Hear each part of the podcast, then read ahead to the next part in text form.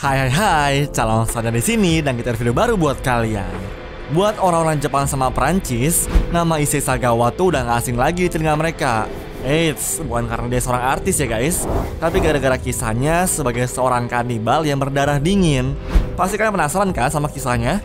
Nah, daripada berlama-lama, mending langsung aja kami persembahkan kisah kanibalisme Issei Sagawa yang masih berkeliaran sampai sekarang. Issei Sagawa Seorang anak laki-laki dari keluarga kaya raya yang terlahir ke dunia dengan kondisi prematur Konon katanya, pas dia baru lahir nih guys Badan si Issei itu cuma sebesar telapak tangan cowok dewasa Waktu masih kecil, Issei itu tumbuh di keluarga yang agak kolot dan menganggap kalau seks itu adalah hal tabu buat dibahas. Jadinya dia nggak tahu apa-apa tuh tentang hal itu. Bahkan pas ereksi, Issei ngiranya kalau badan itu lagi sakit. Pendidikan seks yang kurang juga ditambah keluarganya yang kolot Malah bikin dia punya orientasi seks aneh dan juga gak wajar. Pas masih SD aja nih guys Dia mulai tertarik sama paha temannya yang ganteng. Lo pada jangan salah Dia bukan seorang gay. Ternyata ketertarikannya itu malah ngebuat dia gemes banget pas ngeliat paha cewek Dan bikin dia pengen ngerasain dagingnya. Di sini yang gue maksud daging secara harfiah guys. Yap, ini awal mula isi ngerasa kanibalisme, terutama abis ngeliat paha cewek cantik. Ketertarikannya terus berlanjut sampai dia kuliah di Tokyo. Di sana, Issei ketemu bule cantik, berambut pirang lengkap dengan paha yang montok. Dan ternyata kebetulan banget tuh, mereka tinggal di gedung apartemen yang sama. Mungkin karena saking gemes dan udah gak tahan, Issei mutusin buat masuk ke kamarnya diem-diem. Di situ dia ngeliat si cewek tadi lagi tidur dalam kondisi telanjang. Si Issei berencana buat mukul kepala itu bule sampai pingsan terus motong salah satu bagian pahanya. Cuman rencana itu gagal gara-gara si cewek malah kebangun dan berusaha buat melawan Issei. Ujung-ujungnya dia ditangkap sama pak polisi dengan tuduhan pemerkosaan. Pas diperiksa kondisi kejiwaannya, para ahli psikologi nggak ada yang tahu kalau tujuan utama Issei mau makan daging itu cewek. Setelah keluar dari penjara, dia nyelesain kuliahnya terus lanjut S3 di Paris, guys. Sejak tinggal di sana, hasratnya makin menjadi-jadi tuh. Hampir setiap malam, Ise ngajakin cewek panggilan buat datang ke rumahnya. Tapi ternyata bukan buat wik-wik ya guys. Dia punya rencana buat bunuh mereka, terus dagingnya mau dimakan. Hampir tiap malam, Ise ngajakin PSK ke rumahnya buat dibunuh. Cuman, setiap Ise mau nembak tuh PSK, tangannya serasa membeku dan gak bisa nembakin pistolnya. Dia nggak tahu kenapa bisa begitu, tapi hal itu terus-menerus terjadi. Mungkin karena bosen kali ya, dia langsung ngeberhentiin usahanya terus nggak lagi ngundang PSK. Cuma tetap aja rasa keponya buat nikmatin daging manusia masih belum hilang guys. Suatu hari salah satu kelas, si Ise terpukau sama seorang wanita bernama Rena Haltefeld. Menurutnya, Rena tuh cewek yang berbeda dari mahasiswa lain. Dia begitu hangat, humble, bahkan mau berteman dengan Ise. Saking dekatnya mereka, Rene tuh mau diajak makan berduaan guys. Ternyata momen itulah jadi puncak kanibalismenya si Issei sampai nggak bikin dia mutusin buat nembak si Rene. Cuma pas udah nodongin pistol dari belakang, dia lagi-lagi tuh guys terdiam membeku sama kayak sebelumnya. Berulang kali dia ngajak si Rene ke rumahnya, berkali-kali juga dia gagal buat eksekusi.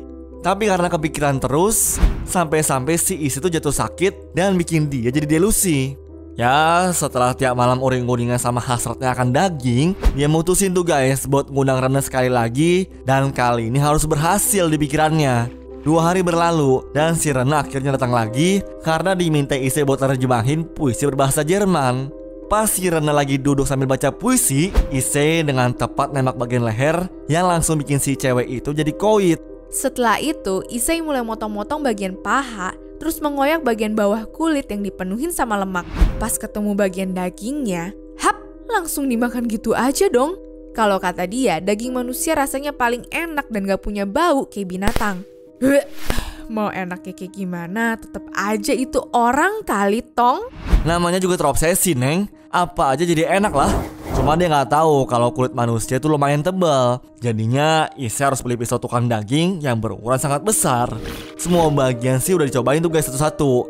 Mulai dari paha, dada, telapak kaki, bahkan sampai lidahnya juga dicicipin. Setelah dua hari berlalu, si Ise mutusin tuh guys buat ngebuang sisa jasadnya si Rene. Sebagian badan dimasukkan ke koper satu persatu, sebagian lagi dimasukin ke tas yang lainnya. Terus dia langsung cabut tuh naik taksi ke Boa del Bulong yang mana adalah suatu danau terpencil yang ada di pinggiran kota Paris. Supir taksi yang nganterin dia tuh sempet nanya, kok berat banget sih bawaannya? Istri cuma jawab, itu isinya buku-buku literatur bang. Gara-gara itu si supir jadi nggak curiga. Cuma dia lupa tuh kalau hari itu lagi musim panas yang bikin banyak orang berjemur di sekitaran danau. Walaupun terlalu banyak saksi, si Ise tetap usaha tuh guys buat buang kopernya di danau. Sampai akhirnya ada bapak-bapak yang nyamperin dia terus bilang, Boy, isinya apa nih? Ise tetap berusaha tutupin kopernya dan ngehalangi si bapak tadi.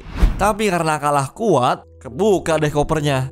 Nah, karena lihat potongan kaki dan juga darah berceceran, orang-orang yang ngeliat itu langsung pada histeris guys. Nah, nggak lama, polisi langsung datang tuh buat lakap si Ise.